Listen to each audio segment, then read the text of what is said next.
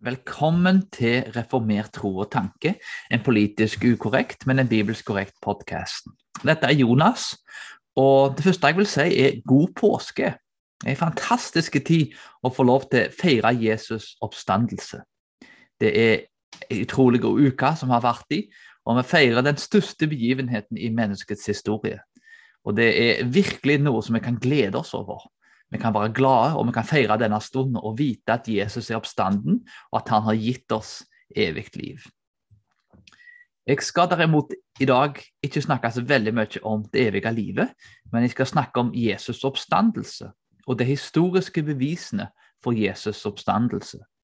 I den forrige episoden, del én, snakket vi om viktigheten av oppstandelsen. Om det egentlig hadde noen betydning om at Jesus oppsto fra de døde. Men i denne episoden er det altså de historiske bevisene for oppstandelsen. Dette er en viktig episode, og det er viktig at troen vår er grunnlagt på rasjonelle ting. At det ikke bare er tro som er blinde, men det er tro som er basert på en tillit til en oppstanden Jesus, der det faktisk er konkrete og håndfaste beviser som vi kan sette liten vår til. Vi fikk vite i forrige episode at hele kristendommen og vårt liv hviler 100% på Jesus' fysiske oppstandelse. Og om Jesus ikke oppsto fra de døde, så er vi fortsatt i syndene våre. Det er ikke noe evig liv, og det er ikke noe håp for menneskeheten. Så det er en svært, svært, svært viktig ting å se på disse historiske bevisene, for å se om vi kan sette liten til noe som det er substans i. Og Med det i minne så vil jeg at vi skal se litt på disse historiske bevisene. Kristendommen er en religion som er historisk. Jesus sin oppstandelse er et spørsmål som en historiker, uavhengig av hva tro han har, eller om han er sekulær eller religiøs, kan undersøke. Vi fikk vite forrige gang at Jesus er en historisk person. Dette er bekreftet av artisten eller agnostikeren Bart Ørmen, som er en kristendomkritiker. Og Han bekrefter det tydelig at de fleste forskerne omtrent alle mener at Jesus levde og at han var korsfesta. Han er en historisk person. Men i dag skal vi se på bevisene for oppstandelsen. Og vi skal bruke to kriterier som du finner i en bok av eh, Habermas og Likona, som heter The Resurrection of Jesus Christ. Altså Det er oppstandelsen om Jesus. Den er en ganske kjent bok, som sikkert mange som har studert trosforsvar, kjenner litt til. Men det er to kriterier som blir brukt i den boken, som heter da minimal fact approach. Som da er det første er at du må ha sterke og troverdige beviser for at oppstandelsen er sann. Og det neste er at du alle forskere i feltet, eller nesten alle forskere i feltet, må være enige om bevisene. Når disse to kriteriene blir oppfylt, så kan en si med mye større sikkerhet om noe er sant. Og I dette tilfellet da, angående oppstandelsen. Jeg vil også kanskje si ganske kjapt at jeg er ikke her for å bevise 100% sikkert at Jesus oppsto fra de døde. Jeg er overbevist om at det er sant, men jeg ville heller kanskje argumentere for at oppstandelsen er troverdig, og at det er svært sannsynlig at Jesus oppsto fra de døde. Med, med tanke på de historiske bevisene som er tilgjengelige. Vi kan egentlig ikke vite så veldig mange, mange ting sikkert i livet. Eh, en kan ha en sterk overbevisning om ting, men det er altså spørsmålet her om det er troverdig, og om vi kan si dette med, med, med, stor sannsynlighet. Så La oss hoppe inn på bevisene for å få dette bekreftet. Det første beviset er at den historiske Jesus ble korsfesta. Korsfesta var en forferdelig måte å dø på. Romerne sparte korsfestelse til sine verste kriminelle og hevda at Gud, Messias, ble korsfesta, noe evangeliene sier er flaut. Svært usannsynlig at det var nevnt noe sånt, uten at det er sant. John Dominican Crossan, som er svært kritisk til kristendommen, sier at Jesus, det at han ble korsfesta, er så sannsynlig som det kan få blitt. Romerne var dyktige til å torturere folk. Du kan lese mye om dette av Tom Holland, historikeren, og eh, artisten og gnostikeren, som bekrefter mye av disse tingene i boken Dominion og skriver mye om den romerske historien. Det andre beviset er det at Jesus sine disipler trodde at han ble oppreist fra de døde. De var overbevist om at de hadde sett den oppstandende Jesus.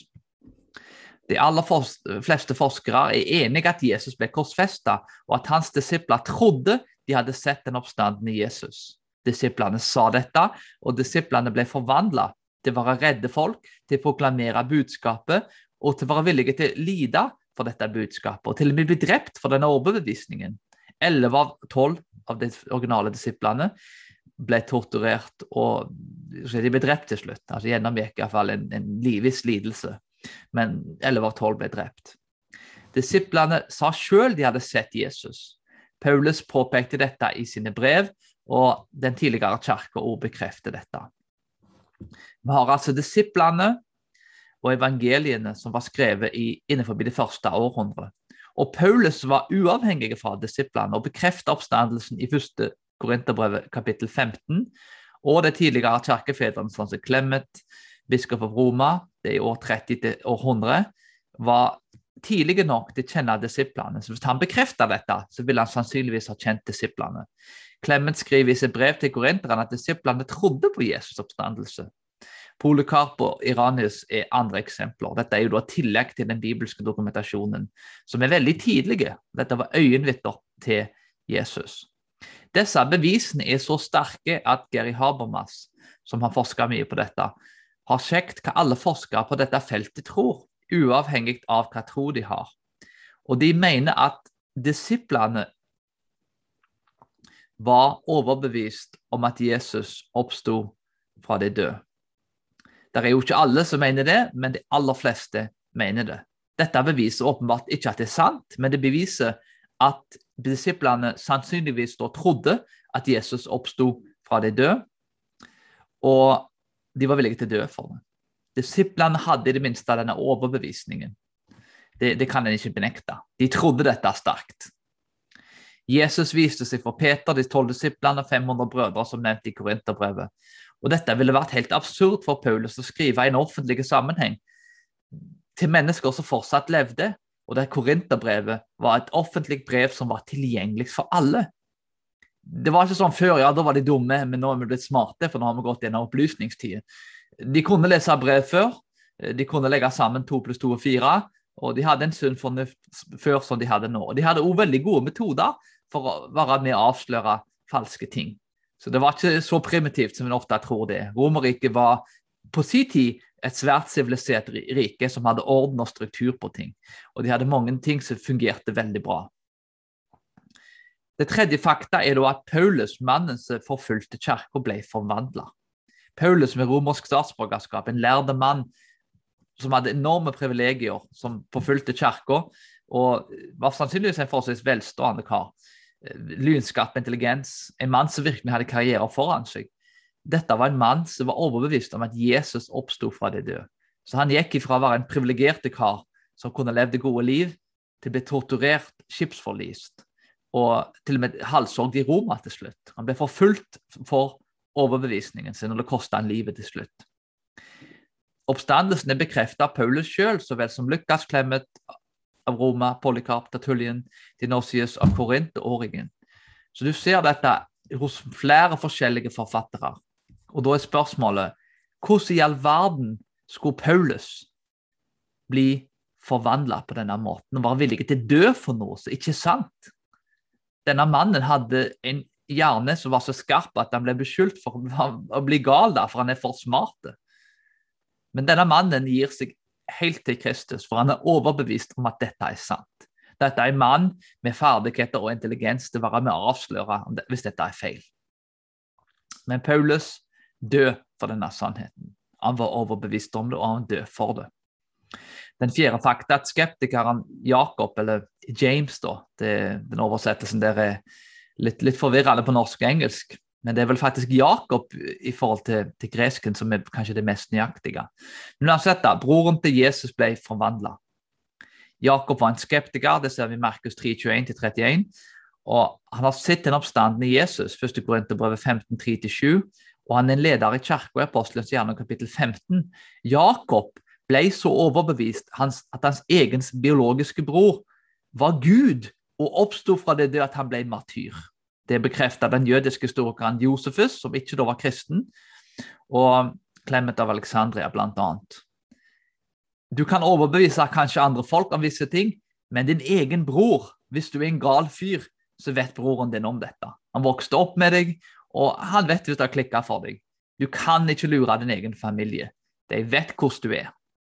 Du begynner ikke å tilbe din egen bror uten at du har veldig gode grunner til å gjøre det, og at du har sett noe som gjør deg grunn til å gjøre disse tingene. Gir deg en god grunn til det. Å overbevise dine egne søsken er ikke enkelt, men det klarte altså Jesus med Jakob. Hans egen biologiske bror var villig til å dø for ham. Den femte fakta er at graven var tomme. Dette er ikke bekreftet av alle forskere, men svært mange. Ifølge Habermas så mener rundt 75% av forskerne at en tomme grav er et historisk faktum. Jesus ble korsfesta i Jerusalem, og at han oppsto og han ble proklamert der òg. Det ville vært omtrent helt umulig å få kristendommen til å vokse hvis kroppen til Jesus var i graven.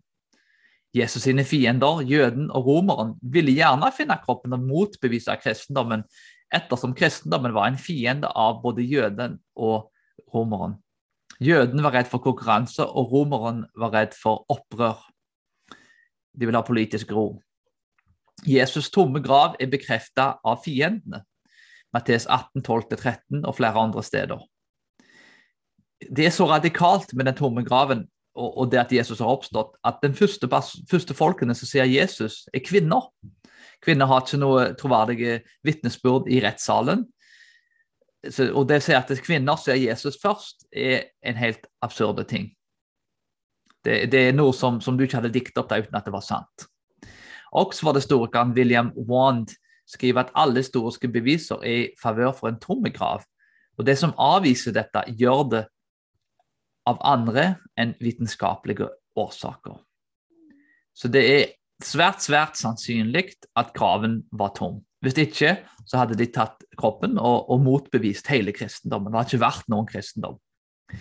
Den sjette fakta, som kanskje ikke konkret er en, en, en sånn direkte fakta i, i samme forstand som de andre, da, men det handler om kristendommens opprinnelse. Kristendommens opprinnelse er totalt avhengig av at de tidligste disiplene trodde at Jesus hadde blitt oppreist legemlig og kroppslig fra de døde. De trodde så sterkt på dette at de var villige til å dø for det. Folk har gjennom historien dødd for ting de har trodd har vært sant. Men ingen dør for ting de tror er sant. Kristendommen hadde ikke eksistert det har ikke vært noe håp, som Paulus sier i 1. Korinterbrev 15. Livene våre hadde vært bygd opp på en løgn, og vi hadde vært det ynkeligste av alle mennesker. Kristendommens opprinnelse er totalt avhengig av at Jesus oppsto fysisk og historisk fra de døde. Det første beviset er at Jesus ble korsfesta. Det andre beviset er at disiplene til Jesus trodde at Jesus hadde vist seg for dem etter han sto opp fra de døde. Nummer tre, Paulus, mannen som forfulgte kirka, ble forvandla og bekrefta den oppstandende Kristus. Det fjerde fakta, skeptikeren Jakob, broren til Jesus, ble forvandla og villig til å dø for den troen. Femte fakta, graven var tom. Og sjette fakta, kristendommens opprinnelse. Og Konklusjonen her er i alle fall så langt at alle disse fakta setningene, skulle jeg si. Ikke setningene, men alt denne faktaen, da, de, de seks faktaene, er med å bekrefte at Jesus ble oppreist fysisk fra de døde. Som i det minste det mest sannsynlige alternativet til det motsatte er blitt bevist. Det betyr ikke at vi kan si 100% sikkert at Jesus oppsto fra det døde, men det betyr at det er mer sannsynlig at Jesus oppsto fra det døde, enn at han ikke oppsto. Og Det betyr at de historiske bevisene er forankra i historien, og de faktisk er troverdige. Det blir da opp til motstanderen å komme med innvendinger som kan forklare hvorfor Jesus ikke oppsto fra det døde. Og Det blir i neste episode. I neste episode skal vi se om disse historiske faktaene holder vann. Er det teorier som kan gi en bedre forklaring på dette, eller tåler disse tingene å få kritikk. Tåler oppstandelsen å få kritikk. Overlever han den kritikken og vil han stå igjen som det mest troverdige alternativet? Det skal vi se på neste gang. Men i dag så må vi spørre oss sjøl, med tanke på disse historiske bevisene, burde ikke folk i det minste kanskje tenkt kanskje det er sant. En spør seg gjerne hvorfor ikke alle tror om det er så åpenbart. Det finnes to, to svar på dette som er litt tett knytta sammen. Det er et filosofisk problem med at mirakler ikke er historiske. Mange har bestemt seg på forkant at mirakler er mulige uansett hvor sterke bevisene skulle være. Det er altså ikke et historisk problem, men et filosofisk problem. Det passer ikke inn i måten en ønsker å se verden på. En har altså allerede i forkant har en filosofisk tilnærming til virkeligheten som er materialistiske.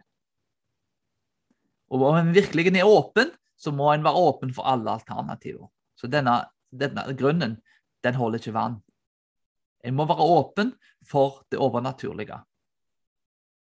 Nummer to, det er en personlig utfordring. Og her tror jeg kanskje der problemet egentlig ligger. Egentlig er ikke dette et intellektuelt problem, men det er et moralsk og åndelig problem. Om Jesus oppsto fra de døde, om dette er sant, så må du ta stilling til det på et personlig plan. Du må si ja, jeg er villig til å omvende meg fra mine synder, til tro på Kristus og til å innordne livet mitt etter hans regler og leve i hans nåde. Livet er ikke lenger mitt, men det er hans. Det blir et offer for Gud. Jeg lir livet mitt til han.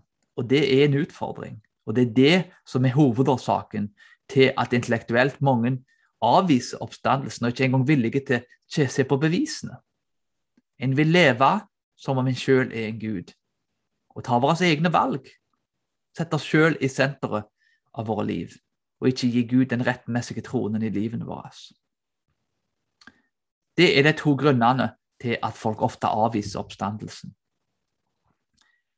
Og vi skal avslutte å si med det at neste gang så går vi inn på den tredje episoden, der vi ser på teorier og innvendinger mot oppstandelsen. Og Da skal vi se videre på om oppstandelsen faktisk holder vann. Så langt så vil jeg si at de beste historiske bevisene gjør at vi kan konkludere at det er sannsynlig, og at det er troverdig å tro på Jesus' fysiske og historiske oppstandelse. Og med det så sier jeg god påske. Vi snakkes snart igjen.